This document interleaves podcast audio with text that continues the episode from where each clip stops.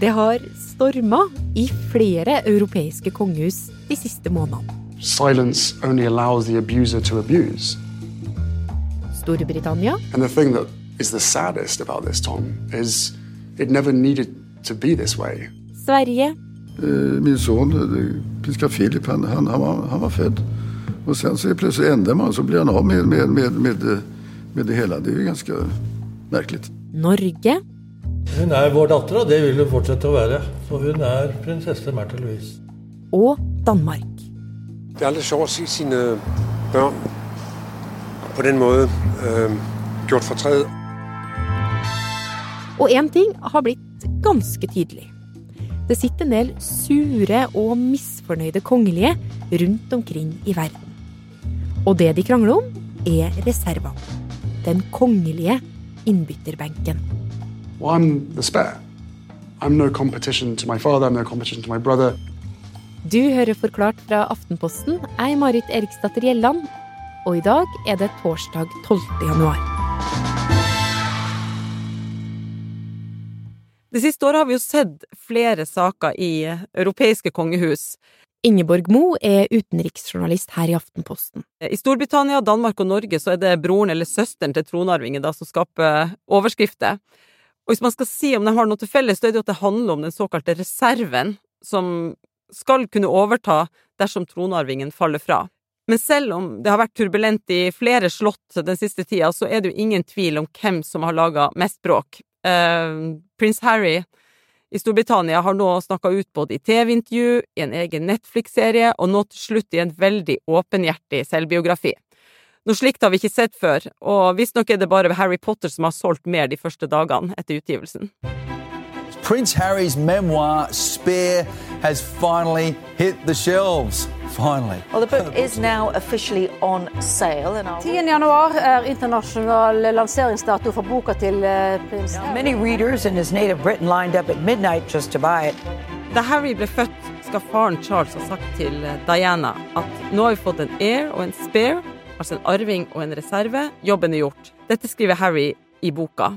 Og han har også kalt den spare, som tyder på at dette er noe han er opptatt av. Han har skrevet en bok som både inneholder mye kritikk og veldig mange detaljer fra privatlivet som vi vel aldri trodde vi skulle få høre om. Den største kritikken er nok mot britisk tabloidpresse. Og så hevder han at kongehuset har samarbeidet med pressen på en måte som har gått utover han og kona Meghan. I tillegg er det jo en del oppsiktsvekkende opplysninger, som at han sier at han drepte 25 personer da han var soldat i Afghanistan, og at prins William skal ha gått fysisk til angrep på han under en krangel om Meghan. Ut fra det vi ser i, mediedekningen av boka og det han sier i intervjuer, så virker det som han har følt uh, på det å spille andrefiolin hele livet, og at han mener f.eks. at uh, storebroren har sluppet unna med mer enn han, og enda viktigere at han mener at kongehuset ikke beskytter han og kona Meghan i så stor grad som han mener at de burde ha gjort. Harry er altså ikke den eneste som sliter med å finne sin plass, men han er uten tvil den som lager mest rabalder. Prins Harry has been branded a human hand grenade by royal insiders after he unleashed yet another. Prince Harry shares some very personal details. Well, there have been plenty of revelations and nothing but silence from Prince Harry's father. Likevel. Innimellom alle de her Harry-sakene har det også vært et kongelig drama i Danmark. Det er ikke bare i Storbritannia kongehuset har problemer med samholdet familiemedlemmer imellom.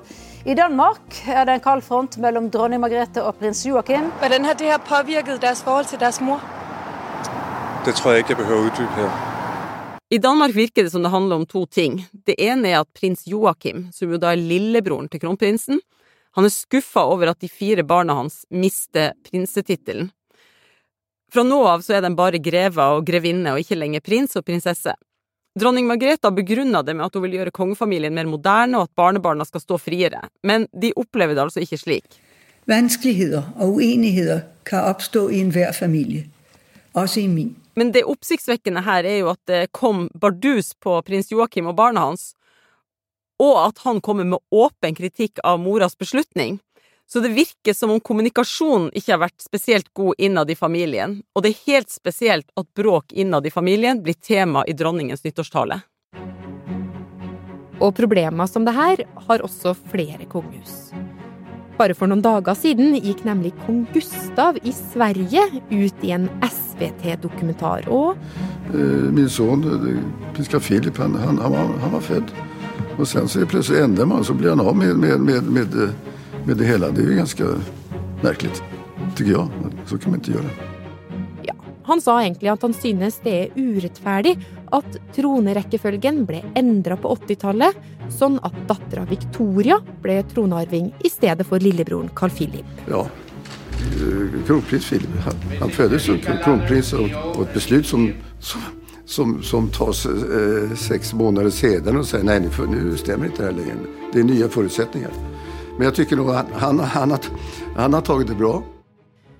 Og som du helt sikkert har fått med deg, så har det jo også vært mye greier rundt vår egen reserve, prinsesse Märtha Louise, det siste året. har jeg bestemt meg for at jeg på det nåværende tidspunkt ikke lenger vil utføre offisielle oppgaver for kongehuset. Og at verken prinsessen eller Durek Verrett skal bruke tittelen prinsesse i kommersielle sammenheng. Selv om vi er uenige i enkelte ting, så er vi jo glad i hverandre. Så ja, fire ulike kongehus i Europa, alle med ulike diskusjoner, men det er knytta til reserven. Den som aldri skal sitte på trona, og som alltid skal leve i skyggen. Hvis ikke noe plutselig skjer, da.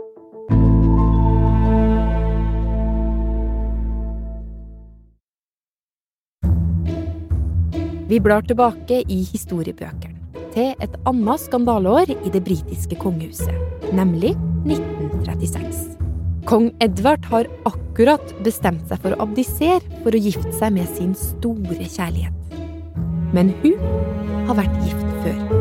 Og skilte kvinner er på denne tida ikke akseptabelt, i hvert fall ikke for en konge, så han må gi fra seg trona. Til, ja, reserven. Lillebror Albert, som bytter navn til George når han tar over for storebror. Opp gjennom historien så er jo eh, historien full av eksempel på at reservene reserven har måttet steppe inn. Eh, barnedødeligheten var stor tidligere, det var kriger, det var andre ting som kunne sette nummer én ut av spill. For eksempel Tudor-kongen Henrik 8., som også var lillebror, men som måtte overta både trona og kona til storebroren da han døde. Kona også, ja. ja litt sånn pose, pose og sekk. Men du, altså Reserven her bare henger rundt på slottet da, og, og venter på at noe kanskje skal skje? Nei, de har jo en del offisielle plikter, og også med å avlaste kongen i hans arbeid, så de har jo en funksjon utover det å være i beredskap. Men det å vise seg å ikke bare være enkelt. eh, Det blir jo også stilt spørsmål ved hva de egentlig gjør, iallfall de prinsene da som lever på skattebetalerne sine penger. Og så er det jo sånn at de blir mindre og mindre betydningsfulle jo eldre de blir, hvis broren eller søstera får barn og egne arvinger. En britisk eh, kongereporter jeg snakka med, mente også at personlighet spiller inn. Noen avfinner seg jo greit med å være reserve, andre vil mer, og da kan det jo oppstå problemer. Og så er det jo et spørsmål om, om det er vanskeligere å være eh, the spare, reserven, i dag enn før. Ja, er det, det er det noe som har blitt vanskeligere? Samfunnet har jo endra seg, og det er nok større medietrykk. Før var nok de kongelige mer avskjerma. I tillegg så har jo kongeeksperter som jeg har snakka med, pekt på at det er noe større forventninger til at de gjør noe fornuftig. Alle følger med på hva de gjør, samtidig kan det være vanskelig å ha en helt vanlig jobb hvis du er søstera eller broren til tronarvingen. Prinsesse Märtha Louise har jo fra seg apanasjen for å kunne være mer selvstendig og tjene egne penger, men i hennes tilfelle har det blitt liksom diskusjon om yrkesvalg og rolleblanding. Men så ser vi også at de sjøl har forventninger til hva de skal bruke tida på, og det er jo denne diskusjonen rundt Harry og Meghan et godt eksempel på. I don't think that, you know, even if there was an agreement or an arrangement between me and my family, there is that third party that is going to do everything they can to make sure that that isn't possible.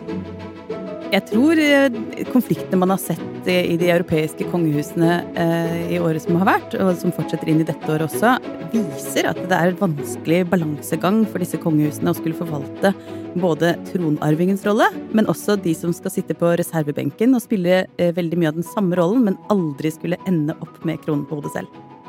Therese Sollien, du er jo kommentator, og så er du en av eh, programlederne i den helt ferske Aftenposten-podkasten som heter Poprådet. Og sånn sett så har du jo alltid et lite øye på de kongelige òg. Er det synd da på Europas prinser og prinsesser? Man kan jo forestille seg hvordan en selv ville synes det skulle være å være forventet å gjøre akkurat det samme som tronarvingen. Gjøre alle de eh, oppgavene som tronarvingen selv eh, kanskje ikke syns er like gøy.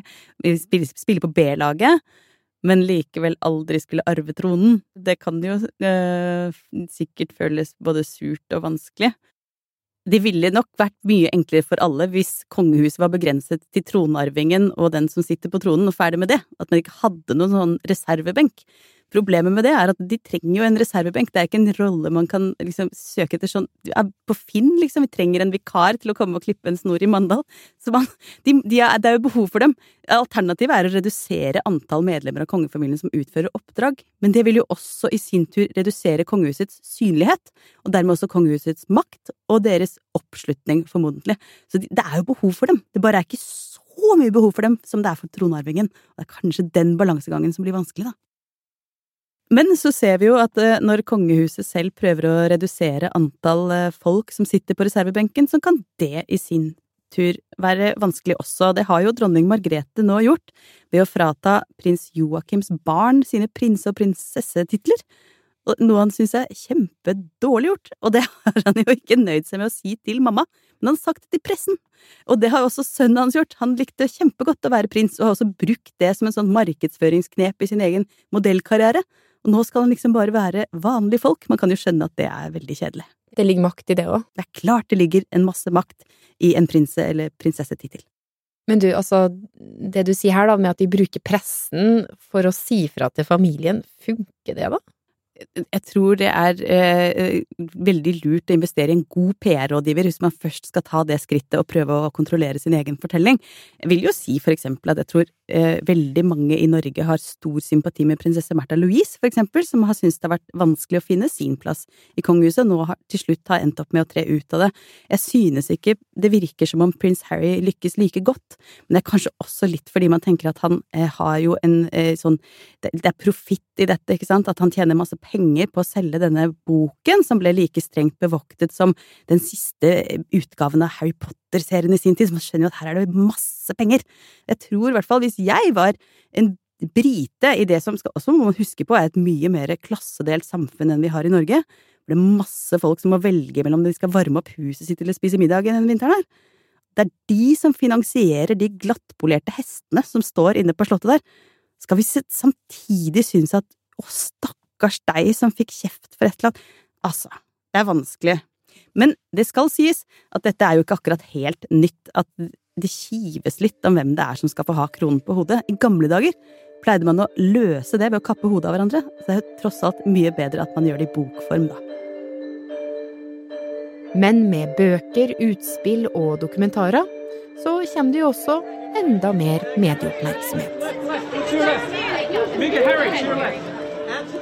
Og særlig prins Harry har jo gitt inntrykk av at den offentlige oppvasken har vært en hard påkjenning, og han viser jo nettopp også til mediene som en av grunnene til at han forlot Storbritannia. Så Ingeborg Mo, hvorfor går egentlig de kongelige ut og kritiserer i offentligheten? Det er sikkert mange grunner til det, men både i Harrys og Joakims tilfelle så virker det jo som det har vært en form for oppdemma frustrasjon der, og at de har kommet til et punkt der de fant ut at de vil bryte med den vanlige regelen om ikke si noen ting om hva som skjer innenfor slottsmurene. Ja, og det å bryte med vanlig kutyme, altså, har det også en pris? Det kan jo ha en personlig pris. Det britene stiller spørsmål om nå, er om det kan bli noen forsoning mellom prins Harry og resten av familien, slik han sier at han ønsker, eller om boka og TV-serien og det han har sagt i intervjuer, gjør det vanskeligere. Men så er det jo det store spørsmålet som eh, kommentatorer stiller seg også. Hvilken betydning har disse konfliktene for kongehuset og monarkiet som sådan?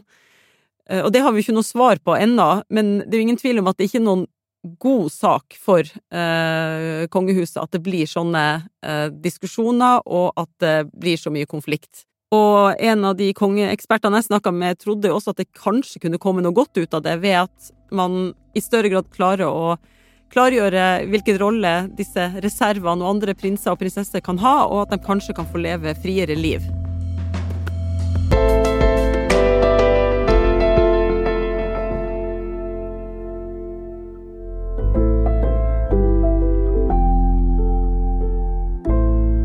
Den vanskelige rollen som reserve i kongehuset ble forklart av Ingeborg Mo og deg, Therese Sollien. Og mens vi har det her, Poprådet, bare fortell kjapt. Eh, Poprådet handler om eh, alt du bruker tid på med kanskje litt dårlig samvittighet. Alt som gir deg senebetennelse i scrolletommelen. det handler om eh, TikTok, eh, Insta-kjendiser, eh, dårlige TV-serier, eh, hunder som snakker til deg på TikTok osv. Hver tirsdag kommer det en ny episode i Aftenposten-appen og Podme. Lyden du hørte i denne episoden av Forklart, var fra Ekstrabladet, SVT, det danske kongehuset, NRK, VGTV, BBC Today Australia, CBS, The Daily Mail, Instagrammen til prinsesse Märtha Louise og nyhetsbyrået AP. Episoden er laga av Jenny Føland, Synne Søhol og meg, Marit Eriksdatter Gjelland. Resten av Forklart er Philip A. Johannesborg, Anne Lindholm, David Vekoni og Anders Sveberg.